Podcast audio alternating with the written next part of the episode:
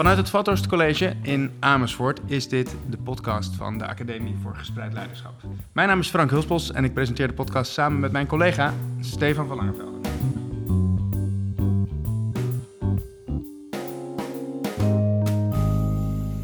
Stefan en ik zijn vandaag op bezoek uh, bij Jasmijn Kester. Ja. Welkom, Jasmijn. Dank. Jasmijn is rector van het Vathorst College sinds 2015 alweer. Uh, het Vathorst staat bekend als een innovatieve school met een bijzonder onderwijsconcept. Bijvoorbeeld op het Vathorst leren leerlingen in zogenaamde leerhuizen. Dat zijn grote ruimtes waar docenten eigenlijk samen lesgeven en als team samen verantwoordelijk, zijn voor de kwaliteit van het onderwijs. We zijn natuurlijk ontzettend nieuwsgierig hoe het is voor Jasmijn om als rector leiding te geven aan een school waar docenten eigenlijk zelfsturend hun werk vormgeven. Dus daar gaan we er uh, helemaal over ondervragen. En uh, we gaan ook met haar uitgebreid in op ons recente onderzoek, hè, Stefan, waar we uh, concludeerden dat schoolleiders en docenten zo makkelijk samenwerken als het gaat om onderwijskundige vraagstukken, maar soms in een klassieke werkverdeling terechtkomen als het gaat om de meer organisatorische en veranderkundige vraagstukken in een vernieuwing. Ja. We gaan het er allemaal vragen. Welkom, Jasmijn. Dank. Maar voordat we dat gaan doen, kun je, kun je de luisteraar die natuurlijk niet mee kan kijken, kun je uh, de luisteraar vertellen waar we nu op dit moment uh, zitten? Waar, waar, zijn we? Nou, we bevinden ons uh, in mijn kantoor op de tweede verdieping. Ja, wat is dan de tweede verdieping? Nou, dat, dat is de tweede verdieping van, uh, van de school. Het Vathorst is gehuisvest in een multifunctionele accommodatie. Dus wij hebben de luxe dat we ons schoolgebouw hebben kunnen inrichten naar de uitgangspunten van onze visie. Dus we zijn een kunstcultuur- en profielschool. En we werken dus nauw samen met scholen in de kunst, die ook uh, uh, gebruiker zijn van dit gebouw. We werken nauw samen met de bibliotheek, die ook gebruiker zijn van dit gebouw. En zoals jij al aangaf, uh, we hoog in het vaandel staat samen leren, leven en werken. En dat kan alleen maar als je ook echt kleine mini-maatschappijtjes creëert en organiseert. Dus onze leerlingen leren, leven en werken samen met een vast mentorenteam in leerhuizen. En daar hebben we er zeven van. Waaronder natuurlijk ook gewoon een kunstvaklokalen en een sciencehuis... waar ze alles kunnen ontdekken en uh, verwonderd kunnen raken... op het gebied van beta en science en noem maar op. En we hebben natuurlijk ook gewoon de sport en de ja, sportvoorziening. En, en, iemand die nog nooit op het Vathorst is geweest... Hè, wat, wat, moet hij zich voorstellen bij een leerhuis? Als je daar ja. binnenkomt, hoe groot is dat? Hoe ziet dat eruit? En ja, hoe vraag. gaat dat dan? Nou, je zou eigenlijk kunnen voorstellen... dat is een, uh, een ruimte uh, waarin je vier uh, reguliere klaslokalen... aan elkaar gekoppeld hebt, de muren weg hebt gehaald... Dus er kunnen zo'n 100 tot 150 leerlingen in die grote ruimte aan het werk zijn. Daaraan grenzend hebben we een, een regulier lokaal waar instructies gegeven wordt. En we hebben nog wat kleine ruimtes grenzend aan het leerhuis, waar leerlingen met bijvoorbeeld, als het gaat om moderne vreemde talen, met native speakers uh, gesprekjes kunnen voeren, presentaties kunnen oefenen, omdat we dat een belangrijke vaardigheid uh, vinden. Of even in alle rust uh, zelfstandig ook nog kunnen werken. Nou ja, zo'n grote leerruimte vraagt natuurlijk om dat je met elkaar de dialoog aangaat van hoe, ja, hoe leven, werken we en leren we hier nou optimaal, rekening houdend met ook verschillen tussen leerlingen, maar ook uh, verschillen tussen uh, vakken of thema's die, of projecten die gegeven worden. Dus daar hebben de docenten in het verleden al in 2014 al uh, over nagedacht met elkaar en eigenlijk droombeelden geschetst op het gebied van pedagogiek, didactiek, communicatie, samenwerken en organisatie binnen een leerhuis. Wij noemen dat de, daaruit zijn rubrics ontstaan. Dus vanuit de ideale situatie ga je naar een soort nulmeting. En die rubrics die uh, geven een richting voor collega's als het gaat over van nou, waar bevinden we ons in onze ontwikkeling als het gaat over communicatie, pedagogiek. Die thema's die je net noemde, ja. ja. ja. En daar, uh, die, um, nou, die hebben we eigenlijk ook weer beetgepakt dit jaar. Maar je kunt dus eigenlijk als leerhuisteam, want ja. op ieder leerhuis, hè, op, ieder, op elk van de zeven leerhuizen staat eigenlijk één team, van ongeveer ja. 10 tot 12 ja, docenten. van ongeveer 10 tot Klopt 12 dat? docenten. En soms zijn er ook wel docenten die niet mentor zijn, maar uh, merendeel hun lessen geven op dat leerhuis. Dus die zijn dan ook verbonden Onderdeel aan het team. leerhuisteam. Ja. Maar over het algemeen bevinden zich daar de mentoren. En de mentoren die geven daar ook de meeste aantal uh, lessen aan de leerlingen. Dus de leerlingen... Maar het kan wel zijn dat je als docent op meerdere leerhuizen les Ja, geeft. dat zou kunnen, ja. Dat zou, ja. Want een leerhuis is georganiseerd op leerjaren. Hè? Dus bijvoorbeeld je hebt Nee. Of is het inmiddels weer anders? Ja, het is, nou ja, het is al. ehm, wij werken in de onderbouw met drie, eh, drie jaren dat je je kunt ontwikkelen naar het niveau wat het beste bij jou past. We gaan natuurlijk uit van het basisschooladvies, wat minimaal hier VMBOT is om eh, op het Vathorst College Ja. te kunnen komen. Eh, dus leerlingen komen binnen bij ons en hebben drie jaar. En dan zeg ik drie jaar voor HAVO-VWO de ruimte om zich te ontwikkelen naar dat gewenste niveau. Ja. Eh, maar leerlingen met een VMBO-T of VMBO-T-HAVO-advies, het dubbele advies, die hebben eh, twee tot drie jaar de tijd om zich te ontwikkelen naar bijvoorbeeld HAVO en twee jaar om zich te ontwikkelen naar VMBO-T. En daarna splitst eigenlijk al de determinatie voor VMBO theoretische leerweg. Die zitten dan in leerjaar 3 en 4 in eh, leerhuis F. Zo Ja, noemen wij dat. ja. Daar hebben we voor gekozen. Met weliswaar ook nog een onderbouw, eh, ehm, een onderbouwgroep. En eigenlijk zie je dus de leerhuizen van onderbouw, die zijn eh, heterogeen. En de Ja, leerhuizen Ja. van de bovenbouw eh, komen eh, zo uit. En dat heeft te maken met dat we werken in de bovenbouw met een kiesrooster. Dus leerlingen krijgen een vaste kern van een x aantal instructies voor de vakken die ze volgen eh, conform hun vakkenpakket. En daaromheen kiezen ze vanuit waar ze staan in hun ontwikkeling wat ze nog meer nodig hebben voor elk vak. En daarvoor hebben we eh, vanuit de organisatorische kant gekeken, is het het meest praktische voor die leerling dat hij ook de docenten ontmoet waar hij of zij het meeste les van heeft. Mhm. En voor de docent is het meest praktische dat dus die leerlingen van 4 HAVO en 5 HAVO bij elkaar zitten en 4, 5, 6 VWO. Dus in het verleden zaten die ook heterogeen door elkaar. Maar sinds eh, drie jaar geleden, toen we met de, met de verdere doorontwikkeling van ons onderwijs eh, eh, daar weer een impuls aan hebben gegeven, hebben we ervoor gekozen om die homogeen te maken. Dus de HAVO-leerlingen zitten in een bovenbouwleerhuis, leerhuizen overigens. En het VWO-cohort 4, 5, 6 zit in een bovenbouwleerhuis. Ja. Omdat dat qua aansluit op ontwikkeling en instructies voor de docent als wel voor de leerling het meest praktische was qua organisatie. Ja, Ja, dus, dus de leerling die komt binnen en die krijgt, die gaat eigenlijk eerst met, eh, net als op de basisschool zou je kunnen Ja, zeggen. net als op de basisschool. Ze hebben wel een eigen stamgroep. En ze Ja. hebben ook wel dat ze twee tot drie eh, eh, jaren in een leerhuis eh, zitten. Ehm, eh, dus ze hebben echt wel hun eigen vaste plek. Met, met, met ook de mensen, dus de docenten en mentoren, die ze het meeste zien om hen heen. Mhm. Eh, en zo kunnen we de verdieping en ook de begeleiding het beste inrichten voor die leerling. Maar ook is het voor die leerling. En er is dus ook nog ruimte om je te ontwikkelen naar een hoger niveau. Absoluut. Hè? Als je Ja, een ja. VMBO-T-advies Ja. hebt gekregen of. VMBO-T-HAVO, krijg je nog twee tot drie jaar Ja. Om je naar een hoger niveau... Ja, en daar geloven we ook echt in, want ontwikkeling is grillig. En als je kijkt naar eh, recente onderzoeken, neemt die kansenongelijkheid in ons onderwijssysteem alleen maar toe. En dat komt omdat we leerlingen eigenlijk op basis van een basisschooladvies vastzetten in een track Hm. op- in het voortgezet onderwijs. En op basis van organisatorische en soms rendementsdenken, ehm, beelden, laten we die leerling ook op die track. Want het is best lastig om leerlingen dan ook op een ander niveau zeg maar, zich te laten ontwikkelen. Nou, wij hebben dat helemaal losgelaten, want het gaat om de ontwikkeling van onze leerlingen. En de organisatie moet daar dienend aan zijn. En daar zijn natuurlijk ook wel op een gegeven moment grenzen aan. Maar onze leerlingen geven gewoon Nou ja, bij jullie is de grens dus net iets later. Ja, Eh, Ja, je hebt dus twee tot drie jaar drie, extra ja. tijd. En dan kom je inderdaad ja. in een leerhuis in de bovenbouw, wat wel echt op niveau is. Ja, wat echt op niveau is. eh, en daarin zien we, ja, en daarin zien we ook dat we eh, in de bovenbouw ehm, leerlingen ook regelmatig gewoon nog opstromen. Dus we hebben eigenlijk het hoogste opstroompercentage in de regio. En wat heel mooi is om nu te zien aan het cohort geslaagde leerlingen op het VWO. Daar hadden we ook een hele verbeterslag eh, hebben we daar gemaakt de afgelopen twee jaar op meerdere aspecten. Eh, maar je ziet dus aan het slagingspercentage dat dat echt heel erg hoog is, 94 procent.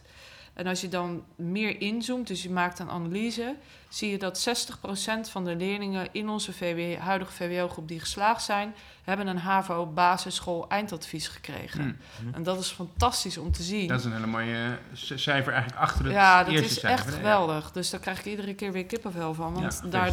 Mooi. ja, Heel mooi. dank. Ja, nou, Snap dat is echt heel gaaf. Ja. Ja. En je vertelde net dat die leerhuizen, eh, dat wordt dan aangevoerd, zou je kunnen zeggen, door een, een team van docenten. Ja. Ehm, maar dat is heel anders dan lesgeven Ja. In je eentje voor de klas. Ja, eentje- nou ja, ja, de, klassiek gezien heb je natuurlijk gewoon jouw vak op dat moment in het Ja, dat- rooster van die leerlingen. En dan eh, Klopt. eh, krijg je allemaal verschillende groepen leerlingen gedurende een dag langs. Maar Ja. hoe ziet het er dan nu voor een docent uit? Ja, hoe het er voor een docent uitziet, is dat je een blok van 90 minuten les geeft. En je hebt vier blokken op een dag. En in dat blok eh, ehm, geef je dus met meerdere collega's eh, les aan, eh, aan leerlingen. Dat is een Je- groep van 100 ja, tot je 150. hebt weliswaar je eigen stamgroep. Of je bent gekoppeld aan een, aan een groep die voor jou gekozen heeft in de bovenbouw. Hè. Dat hoeft niet per se de beoordelende docent te zijn, maar het kan ook een andere docent uit die sectie Nederlands zijn. Als je een aantal leervragen hebt op het gebied van Nederlands. En je ziet dus dat die docenten aan het begin van zo'n blok, dus eigenlijk vijf minuten voorafgaand aan een blok, al met elkaar afstemmen hoe zo'n blok eruit ziet. En vaak kan dat beginnen met een stiltemoment. Eh, het blok wordt ook altijd ingeleid door een van de docenten. Dat spreken ze van tevoren ook met elkaar af. En dan zie je ook dat er op basis van maatwerk ook nog docenten nog korte instructies geven in een leerhuis. Of dan wel niet een docent ervoor kiest, ik maak gebruik van de, van de instructieruimte. Dat plant niet onze roostermaker in, dat plannen zij zelf met elkaar in. Dus het docententeam is ook verantwoordelijk voor het inplannen van de instructies in de ruimte Binnen de blokken. binnen de Ja, blokken. want die, blokken van, die vier blokken staan wel vast. Ja, die vier blokken staan vast. Ja. En eigenlijk als je kijkt naar het rooster, heeft een leerling gewoon een klassiek rooster. Maar dat wordt in de praktijk wordt dat gewoon omgebogen, omdat leerlingen kunnen eigenlijk tijd en plaats onafhankelijk leren. Ze zitten weliswaar in de leerhuizen. Ze hebben weliswaar bijvoorbeeld, als je kijkt naar een rooster, aardrijkskunde van docent X. Maar ze kunnen met docent X overleggen van gisteren heb ik van u instructie gehad. eh, of van je. En ik heb al de opdrachten gemaakt. Ik heb morgen een opdracht die ik moet inleveren voor Nederlands. Dus ik wil eigenlijk nu aan Nederlands werken. Nou, dan gaan ze aan Nederlands werken. Ja. Eh, ehm, dus zij flippen eigenlijk hun rooster al gewoon in de huidige lespraktijk, Ja. flippen zij die om. En het mooie is, in zo'n leerhuisblok lopen natuurlijk meerdere docenten met meerdere expertises rond. Dus ze zijn niet alleen maar gekoppeld aan hun eigen groep. Leerlingen weten, oh ja, dat is de docent Nederlands. Als ik een vraag heb voor Nederlands, mag en kan ik ook naar die docent toe gaan en ehm, ehm, daar de vragen stellen. En de docenten raken gaandeweg dat ze hier werken, leren en leven op het Vatterscollege eh, wegwijs en ehm, groeien ze in die manier van werken en coachen en begeleiden. Hm. Dus je ziet bij de docent meerdere rollen die wij belangrijk vinden en die we ook stimuleren in hun, eh, in hun ontwikkeling. En dat is zeker de rol van de collega of de teamplayer. Ja, Als ja hem ontkom je zo, natuurlijk eh, eigenlijk nee, niet aan. Het concept wat je nu zo aan. omschrijft, ontkom je daar eigenlijk Nee, niet aan. Dat je samenwerkt en dat je dat ook op een goede manier Ja. met elkaar kunt vormgeven, zo'n blok, En dat is ook dag. Dat is ook belangrijk in onze werving en selectie. hè. We nieuwe collega's aantrekken op het Vatterscollege, zijn we daar heel expliciet in. Ja. Weet wel dat Je dit staat is. hier niet alleen voor de klas. Nee, je, staat hier, je hebt niet je eigen koninkrijk. Ja, maar dan toch wel even dat ik het even helemaal goed begrijp, of dat de luisteraar het helemaal goed begrijpt, want ik ben natuurlijk vaak bij jou al op bezoek geweest op school. Mhm. Maar goed, dus eh, stel je voor, ik ben onderdeel van een leerhuisteam in de onderbouw en Ja. ik geef eh, Nederlands. Ja? Dan zit ik dus in een leerhuisteam met allemaal collega's die andere vakken geven. Klopt. Ik, ik ben dan de Nederlands-expert, om het maar even zo te Ja. zeggen. En als wij een blok eh, eh, verzorgen van anderhalf uur, dan geef ik niet zozeer mijn les Nederlands, maar dan geef ik samen met een aantal collega's vanuit hun expertise, verzorg ik een Ja. specifiek Nou, je geeft. lesonderdeel. Of, en dat kan een combinatie ook zijn van onze vakken. Of is dat ook weer niet altijd Nee, het het is, het is en-en. Oké. Dus er zijn. Er zijn ook gewoon echt lessen Nederlands. om Ja, er zijn gewoon zeggen. ook Ja. echt lessen Ja. Nederlands. En er zijn ook echt gewoon docenten die ervoor kiezen op, op, op blokken. eh, en dat, is allemaal in, dat doen ze allemaal in overleg met elkaar, in overleg met de leerlingen. Van, en nu, ik- ze zijn sowieso altijd gekoppeld aan groep leerlingen. Dus je komt niet zomaar een leerhuis in en van, oké, ik heb hier leerlingen, eh, maar ik weet niet precies wie ze zijn of dat ze aan mij. Ze zijn altijd gelinkt aan die leerlingen. Ehm, mits je als docent een extra begeleidingsuur geeft. Dus we hebben ervoor gezorgd dat het leren, werken en leven op het leerhuis niet alleen maar gelinkt is aan de vakdocenten, maar die vakdocenten hebben ook in hun eh, taakplaatje hebben ze ook nog drie tot vier extra begeleidingsuren. En dat betekent dat jij eigenlijk een extra teamplayer bent op het leerhuis waar je aan gekoppeld bent. eh, op een paar dagen in de week of een paar blokken in de week. Dus dan. En dan dat- kun je gewoon ingeroepen worden door leerlingen Ja. om even Ja, ja, persoonlijke ja, aandacht dus eigenlijk is het te gewoon helpen. Extra handen aan het bed. Ja. Om de werkdruk te verminderen, maar ook om de leerlingen nog meer ex- Vragen te kunnen beantwoorden van precies begeleiding te geven. Dus het is en en.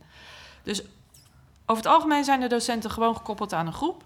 En ze, het, het is ook afhankelijk van hun lesprogramma of ze echt alleen maar gefocust zijn op hun groep. Maar heel vaak zie je dat ze even gefocust zijn op hun groep.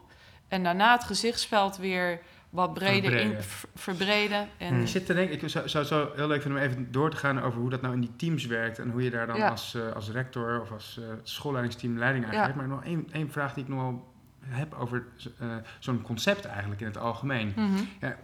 Eh, je had het net ook over doorontwikkeling, hè? Dat, je Ja. het eigenlijk, dat het zich doorontwikkelt. ja, het ontwikkelt zich door. Ik kan me best wel voorstellen dat... Kijk, we zijn natuurlijk gewend om onderwijs te geven als individuele docent aan een groep van ongeveer 30 leerlingen. En dat doen we in aparte lokalen naast elkaar. We hebben niet zo heel veel als collega's met elkaar te maken Ja. tijdens de les, maar wel in de docentenkamer dan ontmoeten we elkaar. Zo'n concept als dit is natuurlijk heel anders. Ja. Het gaat helemaal in tegen wat we gewend zijn. Ja. En dat, dat, dat zal ook vast even wat kinderziektes hebben in het begin. Zeker. Er, ehm, en omdat we zo gewend zijn aan het oude, wat eh, op een aantal punten ook best een, hè, Mhm. waarde heeft bewezen, en op een aantal punten ook juist helemaal niet. En daarom zoek je natuurlijk ook naar een nieuw concept. Maar ik kan me voorstellen dat eh, de druk om in één keer goed te zijn, dat die groot is, of niet? Of ervaar je wel ruimte van de omgeving om zoiets uit te proberen en door te ontwikkelen? Hoe, hoe, is dat? Ehm, Nou, ik ervaar wanneer je onder druk komt te staan vanuit de omgeving. Hè, zoals ik al eerder zei, hadden we een verbeterslag te maken op, eh, op, op onze VWO-afdeling. Als je kijkt naar de kwaliteitseisen die de inspectie ook aan ons stelt en die we zelf ook belangrijk vinden. En dan merk je toch wel dat de focus heel erg uitgaat naar, het, naar, naar die verbeterslag.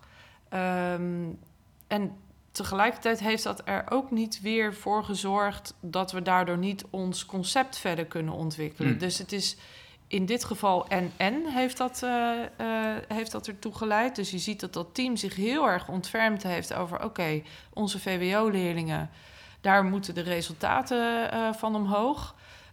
Wij moeten dus ook kritisch gaan kijken naar de doorlopende leerlijn van onze VWO-aanbod in de onderbouw en bovenbouw. Dus we hebben, dat hebben we beter gepakt en geanalyseerd en verbeterd. Want we werken in de onderbouw niet alleen vanuit de vakken ehm, ehm, in het aanbod, maar we, we ontwikkelen ook thema's. Dus ook die hebben we onder de loep genomen van gaan onze VWO-leerlingen daar niet te makkelijk doorheen?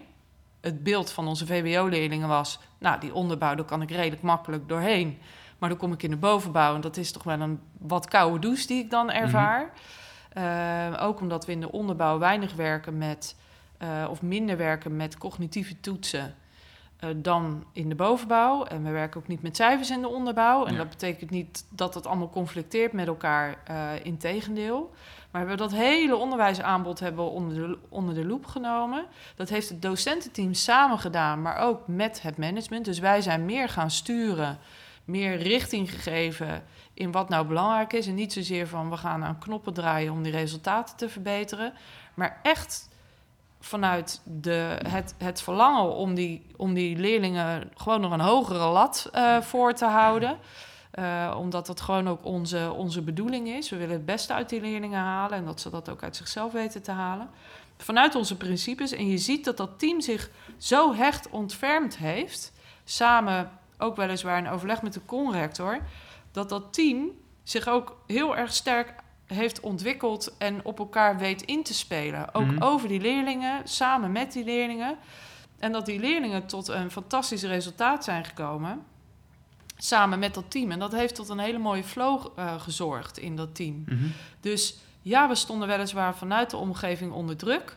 Maar het heeft er niet toe geleid dat dat team, zeg maar, door die druk eh, ten onder is gegaan. En zich versplinterd heeft en weer teruggetrokken is in hun eigen, naar Of hun eigen alleen maar eens gaan blind staren op de resultaten. Precies. En, En dat was wel even het gevoel, hè? Ja. Dus het was wel even heel erg spannend. En die, die, die, die focus op die resultaten eh, voelden we ook. En we hebben daarin ook echt wel met elkaar besproken van... ja, gaat het nu alleen maar om de resultaten? Want het lijkt wel alsof we daar alleen nog maar de focus op hebben.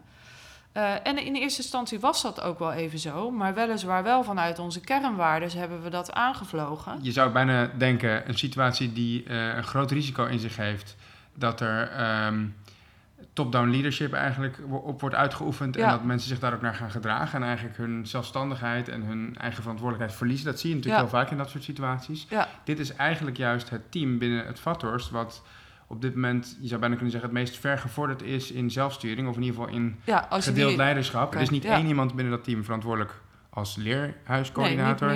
maar ja. ze verdelen die taken die daarbij horen eigenlijk over het hele team. ja, en geven Het is zelf wel heel heel... interessant dat die ontwikkeling binnen het team heeft plaatsgevonden, terwijl ze dus tegelijk ook zo hard hebben gewerkt. ehm, ook met druk van jullie en met druk van buiten aan hun Ja. resultaten. Maar kijk, kijk, een Of is belangrijke... dat helemaal niet zo raar? Nou ja, ik, ik, ik weet niet of het, het. Het is wellicht opmerkelijk. Maar ik denk dat we de druk van buiten. eh, die is absoluut gevoeld. Maar tegelijkertijd is er ook gevoeld dat we het vertrouwen hebben met elkaar. En dat ik het vertrouwen heb. En dat we dus het vertrouwen met elkaar hebben dat we dit, dat we dit eh, tot een verbetering kunnen brengen. En ik wilde niet in die klassieke vorm eh, stappen van eh, ik vertel eh, hoe het nu gaat gebeuren en we gaan dan knoppen draaien. Dus we hebben een hele gerichte analyse met het team uitgevoerd. En we zijn samen als MT gaan optrekken met de collega's van wat gaan we nou doen? Wat is belangrijk? We gaan alle doorlopende leerlijnen gaan we analyseren. Dat gaan we borgen in vakwerkplannen. Dus ook ik als ook heel rector... inhoudelijk eigenlijk. Ja, heel inhoudelijk op En de onderwijsinhoud. ja. Ja. maar ook daarin meegenomen welke veranderkundige strategie past hier nou bij. Ook rekening houden met de verschillende teams. Ehm, dus, en, en, en ook het stuk organisatiesensitiviteit heb ik daarin meegenomen. Dus wat ik daarin belangrijk vond, is dat wij net zo goed als zij ook die inhoud indoken zonder dat we zeg maar het overzicht verloren. Maar gewoon meereisden met die verbetering en die onderwijsontwikkeling. Dus ook die dialoog heel uitvoerig hebben gevoerd. Eh, en ook wel expertise hebben ingeroepen als het gaat om kwaliteitszorg van buiten. Dus Ja. we hebben ook gekeken van waar, waar hebben wij wellicht een blinde vlek. En kunnen we eh, gewoon wat meer datagericht eh gaan werken zonder dat we gelijk heel blauw worden. Ja. Uh, dus we zijn ook gaan werken met bepaalde instrumenten die ons ook gewoon helpen om op een geaggregeerd niveau te kunnen zeggen: Oh, nou, zo ontwikkelen wij ons als docenten op de verschillende docentcompetenties. En dat geven, dat geven onze leerlingen weer als je boven de school hangt. Uh, deze informatie vinden we belangrijk om te sturen op die resultaatontwikkeling. Maar ook om uh, verder onze eigen tijdsonderwijspijlers zeg maar, uh, te omarmen. Maar je, vertelde, je zei dus net van, wij moesten ons als MT echt ook verdiepen in die onderwijsinhoud. Wij moesten als, on, ons als MT ook echt verdiepen in de onderwijsinhoud... om te weten waar willen we Ja. nou met, met, met de docent op sturen. En we hebben ook een hele kritische reflectie gehouden naar onszelf toe. Want we hebben heel veel, eigenlijk de afgelopen jaren, best wel gestuurd op van nou, ja, het zijn de professionals, zij, zij, zij weten het. Hè? Ja, dus niet, Leidinggevende daar be- we bemoeien ons niet te veel met die bemoeien ons niet eh, te veel. onderwijsinhoud. Maar we zijn nu in plaats van bemoeien, zijn we samen de dialoog gaan voeren. En de urgentie gaan leggen op bepaalde ontwikkelingen. Dus bijvoorbeeld werken met vakwerkplannen. En wat willen we daar dan inzien? Eh, eh, het werken met wat meer data-analyse. Om te kunnen zeggen van zitten we, zitten we on track? Zitten, Eh, zitten we, eh, we ontwikkelen hebben ons de- goed? Ja, zitten we we hebben ons eigen leren en werken eh, maken we natuurlijk al jaren zichtbaar door middel van didactisch coachen, dus beeldcoachen op de leerhuizen. Dat hebben we ook weer een impuls gegeven. Eh, dus we hebben de verschillende ingrediënten die maken waarom we doen wat we doen en waardoor we weten doen we de goede dingen, hebben we versterkt, beter gepakt en niet gezegd van ja jullie doen het niet goed, dus we gaan aan deze knop draaien.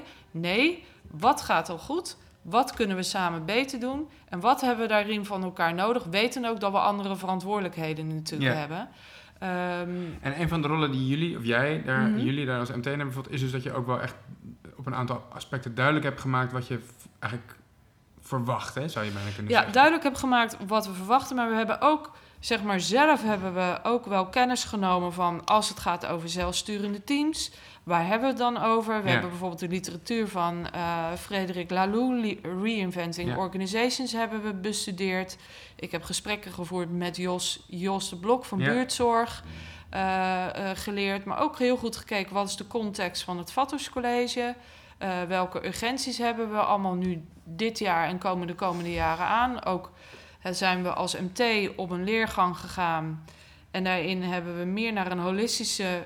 Hebben meer een holistische kijk ontwikkeld als het gaat over onderwijsontwikkelingen. Dan gaat het ook over strategisch HR en dan gaat het ook over geld. Want geld kun je maar één keer uitgeven. Dus het MT is gegroeid naar een conrectorsrol, maar ook naar een beleidsbepalende, leidinggevende rol. Dat je ook verantwoordelijk bent voor het schoolbrede beleid en niet meer alleen maar beleid van je leerhuisteam. Dus als een leerhuisteam een ontwikkeling doormaakt, heeft dat een effect in het grote geheel. Dus je ziet nu bijvoorbeeld de ontwikkeling van het VWO-team. Daar reageren ook teamleden op uit andere teams van... oh shit, dus zij doen het veel beter. Nee, zij staan op een ander punt in hun ontwikkeling. Ja. Dus dat moet je heel goed duiden. Dat zorgt ook weer voor gevoeligheden in de school. En zeker als een team onderling nog niet helemaal goed lekker met elkaar uh, uh, werkt. En dat is niet een disqualificatie, maar dat is een constatering. Uh, en dus ik heb ook tegen het VWO-team gezegd: ja, jullie zitten super in de flow. Dat is echt fantastisch. Ja. Maar hoe kunnen andere teams nou leren zonder dat jullie de wijsheid die jullie hebben opleggen op, de andere, op, op het andere team? Dus we hebben ook gezegd: ja, jullie, jullie, jullie team loopt heel lekker, maar het is niet een gegeven dat je bijvoorbeeld uh, over twee jaar nog in dat team zit. Dus ik verwacht ook dat je je kennis en kunde gaat distribueren over de andere teams heen. En niet Ja. dat die kennis en kunde beter is, maar dat je deelt. En dat je daar dus ook anderen helpt beter te worden. Wat ook in onze bedoeling staat. Ehm, nou, dat. Maar wat heb je geleerd van eh, die, die exercitie die jullie hebben gedaan om eigenlijk slimmer te worden op het gebied van veranderkunde en Ja. eh, teamontwikkeling? Hè? Door bijvoorbeeld een leergang te volgen en door bijvoorbeeld Lalou te lezen en dat natuurlijk ook toe te passen en uit te proberen in de praktijk. Want dat, een boek lezen is één ding, maar Ja. je moet het vervolgens ook natuurlijk doen. Wat, wat hebben jullie geleerd over je eigen rol als formele leidinggevende in een school als het Vathorst, waar je zoveel mogelijk stimuleert om ja, teams van docenten eigenlijk zoveel mogelijk zelfsturend hun werk te laten doen? Eh, we hebben Wat waren de geleerd. belangrijkste lessen? Ja, de belangrijkste les van dit jaar is dat we ehm, ehm, heel goed de collega's moeten meenemen in alle stappen die wij als MT maken. Eh, wij merken, we hebben gemerkt, dat kregen we ook terug van collega's, dat als we eh, aan de beleidskant ehm, dingen aan het ontwikkelen zijn, bijvoorbeeld, bijvoorbeeld die leerlingcoördinator, dat, dat is door veel mensen gevoeld vorig jaar als, oh, is het opeens een extra laag? Waarom is die er? Oh, nog even voor de duidelijkheid, hè? dus we hadden in, de, in de vroegere situatie wa- was er een rector, afde- een Conrector. ook nog, Ja, afdelingsleiders die Ja. elk eigenlijk eh, sturing gaven, zou je kunnen zeggen, aan of- twee leerhuizen. aan twee leerhuizen. En dan had je de leerhuizen en dat waren eigenlijk gewoon ja, teams van docenten Teams van zonder docenten. specifieke rollen daarbinnen. ja, en die, De nieuwe situatie is dat de afdelingsleiders... Zijn er niet meer? die- nee, die zijn er niet meer. Die zijn de meeste zijn Ja. conrector geworden. Of Ja. er zijn nu conrectoren, die zijn meer dus voor het schoolbrede brede beleid, beleid. verantwoordelijk. Eigenlijk Plus de aansturing van de teams. Of weliswaar leiding geven, richting geven, steun geven ten maar aanzien van meer op afstand volgens mij dan de afdelingsleiders dat zeker. waren. Ja, En binnen de teams heb je in de huidige situatie, op de meeste teams althans, een leerhuiscoördinator. We hebben hem al eerder Ja. genoemd. Eh, het VWO-team lost dat dus net iets anders op. Die zeggen Ja. wij gaan niet één individu binnen ons team leerhuiscoördinator maken, maar wij verdelen de taken die bij die ja, functie horen over verschillende mensen. Ja. Maar op veel van de andere teams zie je nog wel dat, dat één iemand of misschien ja. Twee, twee of collega's iemand, leerhuiscoördinator zijn. Ja. Dat is de nieuwe situatie. Dat is de nieuwe situatie. En de aanleiding was voor, eh, dat heb ik ook geleerd, was niet voor iedere collega heel helder. Die hebben dat gewoon gezien als, nou ja, het MT wordt kleiner. Ehm, dat is weliswaar ook uit financiële urgentie voor de komende jaren om de doorontwikkeling van onze collega's eh, mogelijk te maken als het gaat om bevorderen naar LC en LD. En ook omdat ik erin geloof dat je een managementtop zo klein mogelijk moet maken, omdat het geld de leerling moet volgen en de ontwikkeling van onze collega's. En niet het management eh, ehm, maar een groot waterhoofd laat zijn. Ehm, maar die context en waarvan, eh, van waar we vandaan komen, dus waarom hebben we nou die leerhuisteams? Die hebben we onvoldoende geduid vorig jaar in de oprichting van zo'n leerhuiscoördinator. Ja. Dus sommige collega's hebben dat gewoon ervaren. Nou, dat is een dus- nieuwe laag. dat is een nieuwe laag. Eigenlijk een afdelingsleider, maar Ja, dan... zit dat is je een nieuwe laag, punt. ja. Ja, en die gaat mij nu vertellen. En, en ik zie mijn afdelingsleider veel, veel minder. Nou, die, dus sommige teams. Eh, en niet allemaal, hè. Dus er zijn verschillende waarheden in zo'n eh, in Ja. zo'n proces. Sommige teams, Sommige teams ervaren dat ook weer anders. Ja. Die hebben dat misschien wel opgepakt. Met... nou, die vonden dat heerlijk, die ruimte. Van laat, laat, laat ons maar gaan. Maar had dan, want je zei net, ik vroeg je van wat is de belangrijkste Nou, les? de belangrijkste nou, les is dus terug naar de bron. Ja, En ik heb nu ook meer de ruimte gehad om eh, zelf te onderzoeken, eh, weer terug te gaan naar ook bronnen uit het verleden van waarom nou die leerhuisteams en welke, welke eh, hoe past daar die rol van die leerlingcoördinator in. En ik kwam er bijvoorbeeld al gaande, gaandeweg kwam ik erachter dat die, dat die rubrics van die leerhuis, die, die, die in 2014, 2015 ontwikkeld zijn, in een vergevorderde eh, kolom van waar, waarop je jezelf kunt evalueren, staat gewoon: wij zijn een zelforganiserend en zelfsturend team. ja, Dus dat was voor mij een haakje van ja, maar daar hebben jullie, voor, daar hebben jullie in 2014, 2015 al over gedroomd. ja. En nu, die transitie van die leerlingcoördinator is eigenlijk, Eigenlijk is een dat een stap in die richting. Zou je, Ja, het is een zo zou je stap in die kunnen, als je hem zo richting. duidt, dan... Alleen in 2016, 17 hebben we ook wat artikelen met elkaar gedeeld in de school over zelforganiserend zelfsturende teams. En konden de teams zelf aangeven welke taken en rollen eh, eh, belangrijk waren voor het team. Maar wij hadden vorig jaar als MT bedacht, moet een leerlingcoördinator komen. Ja, Dus dat staat haaks op, op, zeg maar, ja, op dus die... eigenlijk die je de vorm dan op een manier die Ja. helemaal haakjes met wat je ermee Ja, dus wat ik nu aan het doen ben, en mijn belangrijkste les ook met het MT is welk verhaal vertellen wij nou naar de collega's? Dus hoe duiden we dit in waar we vandaan komen? Ook gewoon eerlijk zijn van ja, dat hebben we niet handig aangepakt Trouwens, vorig jaar. realiseerde je jezelf dat dat de kern was van de leerhuiscoördinator toen jullie hem introduceerden? Of was je het zelf eigenlijk ook een beetje vergeten? Nee, ik realiseerde me... Je, jij wist het ik, ja, diep van binnen wel, ja, en je hebt het onvoldoende geëxpliciteerd nou, ik heb het wel geëxpliciteerd in, mijn, in, in het MT. Ja, Alleen beklonk het daar nog niet. Er was gewoon nog niet voldoende ruimte om dat zeg maar een plek te geven. ja, Dus al gaandeweg, her, eh, in herhaling eh, zit ook kracht, maar ook om het ook weer om dat vergezicht te duiden, heb ik, ehm, heb ik met hen het verhaal bepaald. Met hen Met is met- met- het, MT het MT. en die leerlingcoördinatoren en die ontwikkeling binnen de leerhuisteams. Dus we zijn nu veel meer het verhaal aan het duiden. En ik denk dat dat de belangrijkste les is van dit jaar. Dat je als MT ook regelmatig in je eigen bubbel kan zitten als het gaat om eh, beleidsvorming en noem maar op. Dat juist deze school en een hele groep collega's erom vragen om betrokken te zijn op wat doen jullie als MT. En als er veranderingen komen, verbeteringen komen, laat ons meepraten, laat ons meedenken. Dat is de kracht ook van onze school. Eh wetende dat wij dan wel weliswaar uiteindelijk het besluit nemen. Ehm, en voor mij is de belangrijkste les steeds weer de collega's meenemen. Ja, Ja. maar we doen het. eh, we komen hier vandaan en we gaan daar ongeveer naartoe. En dit is het verhaal daaromheen. Dus haak aan bij het verhaal. Of herken je je in het verhaal? Of mist er nog iets? Ja. Of dat... Maar dan eh, hoor ik dan toch ook wel dat je als rector... eh, dat het een hele belangrijke kwaliteit is om, om de visie en de bedoeling, zal ik maar zeggen, Ja. van de organisatie uit te dragen en aan te scherpen. Ja. Ik bedoel, zoals je me vertelt, hè, zeg je ook weer niet van, nou, dit is de visie en Nee. zo heb je, nee, daar kunnen ze invloed die heb je te slikken en daar moet je aan conformeren. Zo, zo hoor ik het niet, maar Nee. eh, het is wel iets waar jij je als rector constant van bewust bent. Bij de keuzes die je maakt en bij de keuzes die je als school maakt, dat je mensen daarbij betrekt en van Ja, en de eh, belangrijkste les... vergewist, zal ik maar zeggen, dat, hoe dat is. Hoe dat, Ja, zeker. En de belangrijkste les daarbij is ook dat wij als eh, MT echt dachten dat het helder was. Ja, ja. dus dat is Eh, het kokonnetje waar je ja, over had. ja, over van nou, thematisch onderwijs is toch helder wat we daarin doen. En dat je ja, dig- digitaal leren. En dat kwam weer door de verdieping die wij hebben gemaakt, onderzoek naar onze kwaliteitszorg.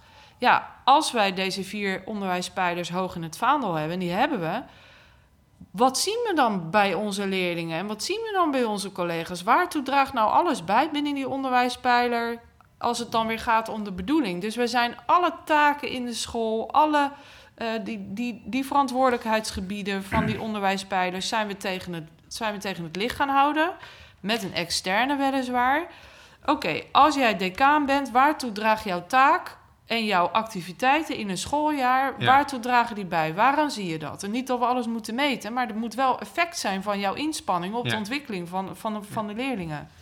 Nou, en dat zijn echt, daar zijn nou ja, een soort van ehm, eh, bewustwordingscellen opengaan van, oh ja, nou, het is eigenlijk helemaal niet zo heel erg helder en je mag gewoon zien we dat collega's zich terugtrekken uit thema's en En dan is het dus, wordt het dus ook wel een beetje afhankelijk van net eh, misschien de kennis eh, Ja. eh, binnen een team. Of Ja. in hoeverre het, een Ja. team op de hoogte is. Of contact misschien heeft met jou. Misschien dat het ene team wat meer mensen heel Precies. innig contact hebben met jou. En daardoor goed op de hoogte zijn van wat er... Eh, wat de bedoeling is en waar je naartoe gaat als school. En een ander team misschien minder. En zie je dus ook misschien veel meer variatie tussen de teams. Dan wanneer je dat meer expliciteert en duidelijk maakt. ja, en daarom zijn we gaan werken met koers, concepten, de vijf concepten Ja. en eh, de vertaling naar de praktijk.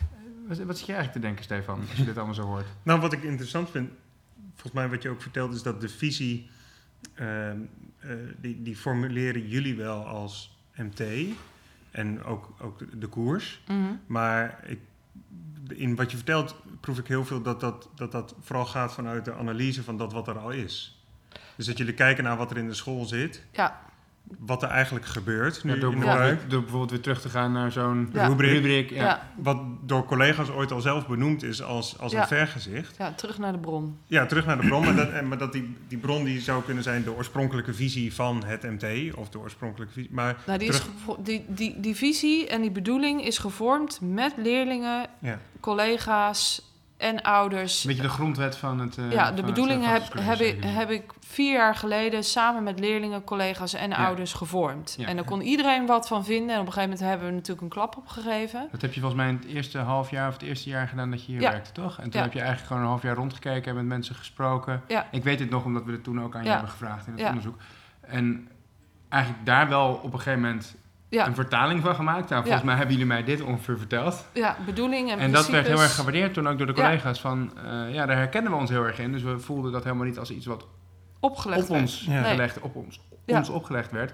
Maar juist iets wat een hele mooie vertaling was van wat we Ja. ergens wel wisten, maar wat nu heel mooi geëxpliciteerd was. Ja. ja dus eh, nou, als ik, eh, volgens mij, als ik dan begrijp wat dan de uitdaging is, of de geleerde les die je net hoort, is, is om elke keer daar de aansluiting bij te vinden. Omdat je wel Ja. het gevoel hebt in de keuze die je maakt, dat je die elke keer goed zou kunnen verantwoorden vanuit het verhaal. Ja. Maar dat het niet evident is dat, dat het voor collega's duidelijk is dat al die keuzes gemaakt zijn op basis van het verhaal. Dat, dat Ja. zichtbaar maken, dat verhaal vertellen zoals je dat zei, dat is een hele essentiële eh, rol. Of in ieder geval eh, iets waar je veel aandacht voor moet hebben als MT. Omdat je misschien, kan ik me zo voorstellen, anders snel toch weer in de rol komt van... jullie hebben voor ons bepaald dat de leerlingcoördinator moet Ja. eh, komen. Ja, is dat niet Heb, je, gewoon heb extra? jij ook het idee dat jij als rector zo wordt geïnterpreteerd, zoals wij dat nu zo met elkaar zitten te analyseren? Dat de docenten jou inderdaad zien als een rector, ehm, ja, hoe moet je dat zeggen, die, ehm, die veel oog heeft voor de onderwijsontwikkelingen die, er binnen een team plaatsvinden en die eh, wel degelijk sturing geeft, maar dat doet op een manier waarbinnen er nog dat steeds ze- heel veel ruimte is voor het team Ja, om zelf ik- keuzes te maken. Ik denk dat ze eh, mij zien als een rector die, die, die oog heeft voor de koers eh, waar het Vatterscollege nu eh, eh, mee bezig of op afstevend of, of, of aanhoudt. En dat ze nu meer en meer zien eh, dat het niet alleen maar nieuwe dingen zijn die zeg maar de school eh, binnen zijn gekomen. Hè? Want dat was ook een, een, een veld van duizend bloemen bloeien. Eh, wie houdt nou het overzicht? Dat was eigenlijk toen, toen ik net binnenkwam, was dat al een beetje gaande. En we hebben het al zo druk. Dus we moeten keuzes maken. Ik denk dat ze nu meer en meer zien van... hé, hey, in dat nieuwe schoolplan komen niet allemaal nieuwe dingen. Het, het kind wordt niet met het badwater Mhm. weggegooid. We gaan juist de verdieping aan. En ik denk dat ze dat meer en meer zien. En ook omdat ik meer op school eh, ben. Om, ehm, nou, ik ben er gewoon, meer. ja. En, ehm, dus zien ze dat ze A, ook nog wel heel veel ruimte hebben... maar ze zien ook dat er, dat er wat steviger gekoerst wordt, denk ik. Ja, Het doet me denken, en dat is dan de laatste vraag die ik je zou willen voorleggen. Ehm, eh, aan het onderzoek wat wij eh, hebben gedaan onlangs, waar we ook een podcast over hebben gemaakt. Eh, daarin hebben we zeven schoolleiders die intensief samenwerkten met docenten gesproken, intensief gesproken over eh, hun vernieuwingsproces. Ze werkten Mhm. vaak aan een eh, schoolbrede onderwijsverbetering of Mhm. onderwijsvernieuwing. En wat we concludeerden op basis van al die portretten die we maakten van die schoolleiders die samenwerkten met docenten was dat als het gaat om onderwijskundige vraagstukken, dus de onderwijskundige, de onderwijsinhoudelijke kant van een vernieuwing, zoals wat voor school willen wij eigenlijk zijn of wat zijn nou echt de dingen die voor ons in de kern van belang zijn in het onderwijs? Als het om dat soort vragen gaat, werken schoolleiders en docenten heel makkelijk samen. Maken Ja. ook heel makkelijk gebruik van elkaars kennis en expertise. Speelt hun formele rol niet zo'n. is niet zo van, zo'n, van doorslaggevend belang in Ja. hun samenwerking.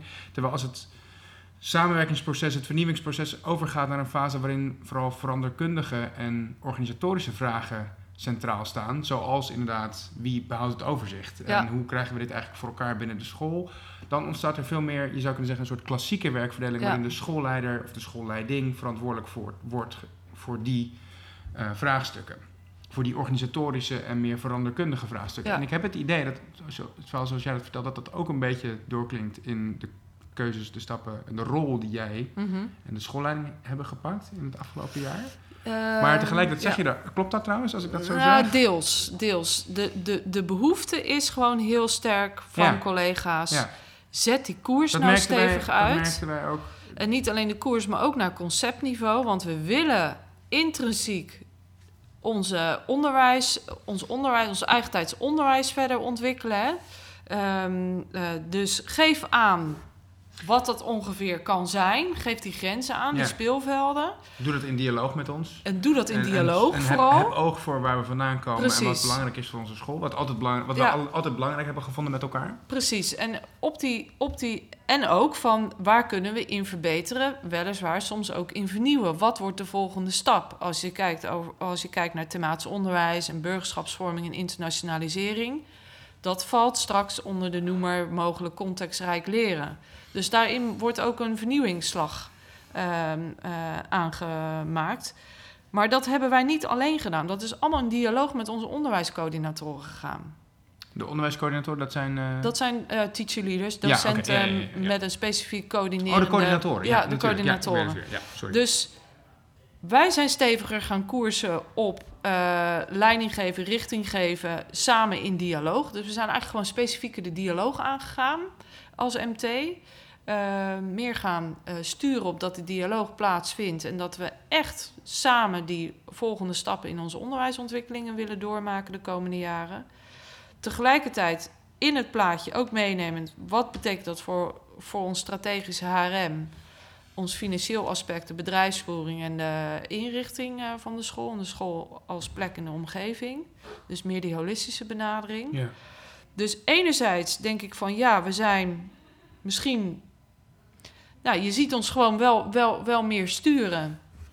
En anderzijds doen we dat ook heel specifiek in dialoog. Want als we het niet Ja. in dialoog doen, dan krijgen we dat ik wou direct net zeggen, dat is misschien ook wel een belangrijk verschil met een aantal van de portretten die wij op hebben gehaald in dat onderzoek. Wat wij heel vaak daar schoolleiders hebben horen zeggen is, ik voel mij in die tweede fase van het, on- van het vernieuwingsproces, voel ik mij zo alleen. En veel meer op afstand komen te staan van docenten. En zoals jij er nu over vertelt, doe je juist heel duidelijk moeite om niet op afstand... Ja, en ook voelen wij ons wel eens dikwijls heel erg Ja, ja alleen. oké. Dat herken je toch ook Ja, dat herken ik zeker. En hoe komt dat dan?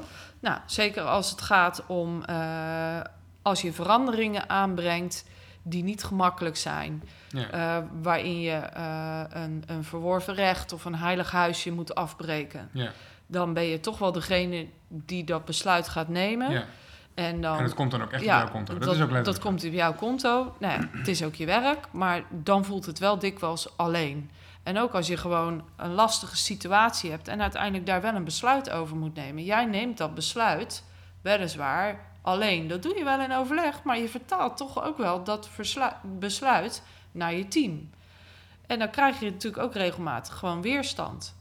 En dan voel je je ook regelmatig alleen. Ja. Los van dat je mensen naast en om je heen hebt, is schoolleider zijn ook heel, heel regelmatig ook gewoon een eenzaam En, beroep. en, en ben je dan van mening dat, dat, eh, dat een school van de grootte als het Vathorst eigenlijk ook niet anders gerund kan worden uiteindelijk?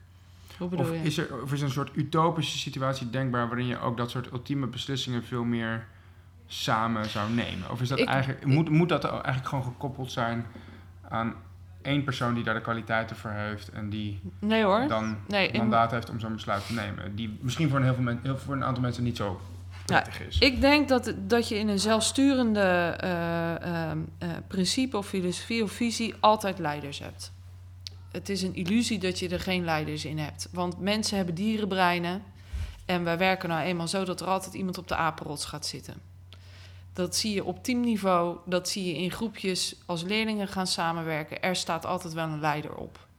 En, ja, jij wilt, dan heb je het dus over een informele leider uh, in dit geval. Ja, Precies. Iemand, iemand, die dat, ja. En ook in zelfsturende principes heb je leiders nodig. Want er, wij zijn er zeker nog niet dat we alle besluiten. Uh, um, um, wij zijn er zeker nog niet op het punt dat we. Uh, nee, de volgende stap voor ons als MT is meer besluiten daar neer kunnen leggen en laten plaatsvinden. Uh, in het verantwoordelijkheidsgebied gewoon van de teams. Ja. Ik heb nog regelmatig dat wij in een MT-vergadering over dingen aan het praten zijn. En dan maken we een besluit en denk ik, dat hoeven we eigenlijk helemaal niet meer te doen. Nee, nee, nee, dat zou veel beter door het team zelf uh, gedaan kunnen worden. Dus dat is de volgende stap. Maar een risico wat je daar dus altijd bij zult hebben is dat, zeg jij eigenlijk, zodra je dat over een grotere groep mensen gaat verspreiden, Uh, je, je, moet spelregels dan zul je gaan merken dat er mensen zijn die, Ja.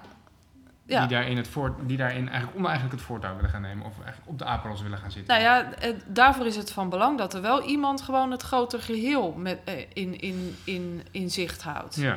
Dus er zullen altijd situaties zijn waarin je in een grijs gebied komt en dat conflicteert zeg maar, met hoe een ander team het doet met zijn of haar leerlingen. Uh, dus dan zul je als teams met elkaar in dialoog moeten en uh, elkaar moeten raadplegen. Ja. Van uh, jullie als tribe hebben dat zo ingericht, maar wij willen ook een stukje land gebruiken wat jullie gebruiken. En hoe gaan we daar nou op een goede manier mee om? In plaats van we hebben besloten dat we een stukje van jullie, van jullie Mm. land gaan confisceren. En we gaan het ook nog op een andere manier inzetten voor onze leerlingen. Dus als het ene team besluit van wij doen helemaal niks meer aan schrijfonderwijs. Maar die leerlingen gaan na twee jaar naar een ander team toe. En daar is schrijfonderwijs heel belangrijk. Ja, dan heb je toch wel echt, echt Ja. dan heb je een afslag gemist met Ja. elkaar. Maar dan, als ik gevoel heb, dan is jullie rol als MT om, de- om die dialoog te faciliteren. Absoluut. En om te Wat nog helpen. wat anders is dan... Maar dat vind ik nog wel interessant in het licht van wat je eerder zei. Ik heb namelijk het gevoel dat eh, in, in wat je vertelde zei, we, we hebben de afgelopen tijd meer sturing aangebracht, omdat collega's de behoefte toonden aan geef ons wat meer richting. Sturing op het gebied van conceptontwerp. Ja. Dus de speelvelden hebben we, be- hebben we bepaald. Ja. We hebben nog niet gezegd wie de scheidsrechters op die speelvelden zijn. Nee, Want- maar in die, in die, als, je, als, je, als je het zo zegt, dan lijkt het alsof de collega's heel afhankelijk waren. Terwijl als je vertelt daarna over hoe, hoe het vorm krijgt, Ja. zijn, hebben collega's daar zelf heel veel beelden bij. Ja, ze hebben er heel veel beelden bij. Ze zijn er niet zozeer afhankelijk van. Ze zijn weliswaar wel afhankelijk van. En waar gaan we nou naartoe de komende Ja, jaren? ja. Want we willen samen die verdieping Ja. slag Dus ik, maken. dus ik heb het gevoel, want je verwoordt het als dat, dat, dat de vraag die gesteld werd, vertel ons wat de koers is. Ja. Ik, heb het, ik heb het gevoel dat eigenlijk de vraag was, help ons samen de Ja, koers te bepalen. Ja, ja. En dat dat de rol is die jullie En dat het daarom ook gewerkt heeft. En dat het Ja. daarom ook niet geïnterpreteerd is als... eh, er wordt ons iets opgelegd. Er Ja, wordt omdat, ons- omdat, Ja. omdat als je hem in, in de vraag zoals je hem net even zelf formuleerde, dan, dan, dan kan het erop lijken dat het proces is geworden. Jullie zijn op de hei gaan zitten ja. als MT. Jullie hebben daar een goede sessie gehad met elkaar. Daar is een stuk uitgekomen Ja, en dat nee, is zo- gecommuniceerd aan de school. Maar dat is niet hoe het proces Nee, vorm heeft Nee, gekregen. en Dus- we zijn er ook nog niet helemaal, Nee, wat ja. jij aangeeft. Want er zijn zeker teams die ervaren eh, dat we samen de koers bepalen. Maar er zijn ook teams Ja. die nog in dat verhaal nog meer meegenomen En daarom, want ik, ik bedoel, eigenlijk, de, de situatie die je geschetst hebt in het afgelopen uur, die is natuurlijk vast als er schoolleiders luisteren, dus, dan zullen ze het helemaal herkennen. Van ja, je kan in één keer zomaar in een situatie komen waarin eh, resultaten wat onder druk komen te staan, je de bedoeling van je school een beetje vergeten bent, verschillende teams verschillende dingen aan het doen zijn. Hoe ga je er dan mee om? En Ja.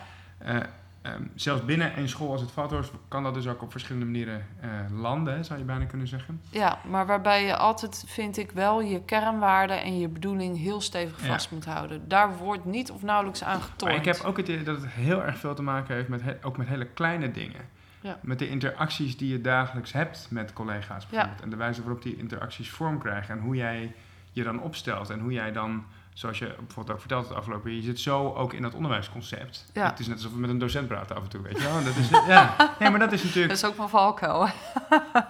ja? Ja, oké, Nou, af en prima. toe, maar als je in dat is dus ook een enorme kwaliteit. Ja. Eh, als je op een school als deze werkt, waarin dat onderwijsconcept constant in ontwikkeling is, waarin je daar ook sturing aan wilt geven en tegelijkertijd dat in dialoog wilt doen. Je kan niet een dialoog voeren met de collega's hier, tenzij je van de hoed en de rand weet over het onderwijsconcept. Ja, Wat ik eigenlijk bedoel, te- waar ik eigenlijk naartoe wil, is dat het volgens mij ook moeilijk is, bij wijze van spreken, om nu één generieke les te trekken uit dit verhaal voor andere scholen die met vergelijkbare vraagstukken zitten. Het zit hem ook net in ja, die kleine interacties die je hebt en hoe je je dan als rector of als persoon opstelt naar je collega's en hoe je. Hè? en leerlingen. En, ja. Nou ja, wat dan zal leiden tot inderdaad een verschillende interpretatie van misschien wel dezelfde acties. Exact, Dus, exact, Ja. dat is mijn punt. Ja. Omdat je dus een, een, een, een type relatie... Nou ja, goed, je kunt Ja. het eh, de- de- vergelijken met feedback.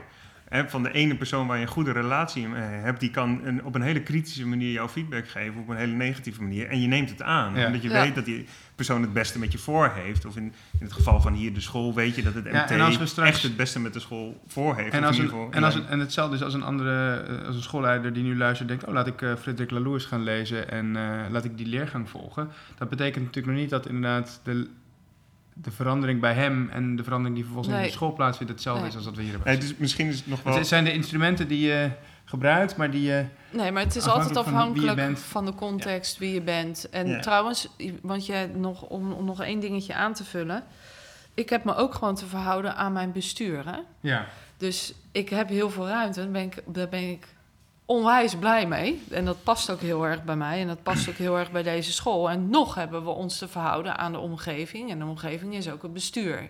Dus als ik met minder leidinggevende werk, wat ik overigens, eh, eh, ik werk met minder leidinggevend dan het bestuur graag wil. Mhm. Ehm, dus ik ben al iets aan het tornen aan het, aan het managementstatuut en aan beleidsvorming, eh, wat zij eh, zeg maar als kader stellen. Zal dat altijd heel goed in dialoog met mijn bestuur moeten. En ik kan weliswaar een hele andere organisatievorm hier willen laten, nog doen willen laten ontstaan de komende jaren. Ik ben wel afhankelijk van hun steun ja. en het akkoord. Dus dat is wel belangrijk om aan te geven. ja. ja. Jij wilt volgens mij ook nog wat zeggen, Steven. Ja, ehm, misschien is wel een les die erin in zit, is dat ik merk dat jullie eh, ook heel kritisch zijn eh, op de rol van rector en überhaupt van MT. Ja. Dus Ja. misschien zit wel een. Nou ja, misschien is dat wel een heel interessant eh, punt, zeg maar, om mee te nemen. Dat, dat wanneer die visie en die bedoeling er ligt, en dat is iets wat je constant altijd weer terug moet laten komen. Maar dat betekent ook dat er reflectie moet zitten op wie zijn wij dan als MT en hoe Ja. verhouden wij ons op dit moment tot de school en de bedoeling en de visie die Ja. er is. Ja, En ik heb het gevoel dat jullie dat veel doen, zeg maar. Dat veel Ja. van de reflecties daarover gaan. Dat, dat, dat, dat jullie Veel eens- meer dan voorheen. We zijn echt eh, veel meer in reflectie geschoten van... oké, eh, we zijn niet aan het managen. In ieder geval, dat willen we... eh, dat moeten we af en toe. Maar over het algemeen is het leiderschap. En wat is nou leiderschap? Dus ook dat begrip uitdiepen met elkaar in een school als het Vatters College... waarin we ook gespreid leiderschap omarmen... betekent ook dat je je visie voortleeft, voordraagt, stuurt, situationeel leiding kunt geven. En we zijn er echt wel achter gekomen dat we dat op bepaal- bepaalde punten. Nou, waren we gewoon ook wel wat laissez-faire hoor. Mm, mm. En eh, dus die inzichten hebben we wel opgedaan. Van ja, dus. Nou ja, dat. Ja. Dankjewel Jasmijn. Ja, Ehm, ik zou trouwens voordat we afsluiten nog even een kleine aankondiging willen doen. Want ehm, eh, er komt een nieuwe podcast aan. We hadden Jeroen van Grunsven al in onze vorige podcast aangekondigd. Hè? Die gaan Ja. we... eh, Oh, wat leuk. ja, die ken jij natuurlijk Ja. ook. Hè? Die gaan we binnenkort spreken. Hij werkt inmiddels bij Schoolinfo. Ja, En maar hij is natuurlijk jarenlang eh, rector geweest. En hij heeft ook hele mooie dingen gedaan als rector. Ook als het gaat om onderwijsvernieuwing. Ja, dus daar gaan we hem ook, eh, binnenkort ook over spreken. Maar eh, wie we ook nog gaan spreken, en die hadden we nog niet eerder aangekondigd, is Hartger Wassink. Oh, wat cool. Ja, ehm, bekend natuurlijk van de professionele dialoog. Hij heeft lange tijd bij Nivels gewerkt, maar werkt nu voor zichzelf al een tijdje. Doet ook heel veel met besturen. En we gaan hem ook vooral eh, aan de tand voelen over de huidige discussie in het onderwijs. eh, tussen, De polarisatie. ja, de polar- en de Oh ja. polarisatie daar ook van. Eh, ik weet niet of jij dat herkent, Jasmijn, maar eh, als ik af en toe op Twitter kijk, dan heb je het idee dat er zeg maar, twee kampen zijn in on- eh, als het gaat om onderwijs. Ja. Als het gaat om de ontwikkeling van kinderen. En dat die kampen heel erg recht tegenover elkaar staan. Ik heb toch nog steeds het idee en de hoop dat er ook een brug tussen te slaan is. En dat het allemaal niet zo gepolariseerd is als het soms lijkt. Dat is het thema wat we met Hartger uitgebreid gaan uitdiepen. Ja. Dus dat nog voor een volgende keer. Jasmijn, nogmaals heel erg bedankt voor je openhartigheid en het een mooie gesprek. Het inkijkje in het Vathorst. Ja. ja. Ehm, en aan de luisteraar, tot de volgende keer. Ja, Ja, dankjewel. tot ziens.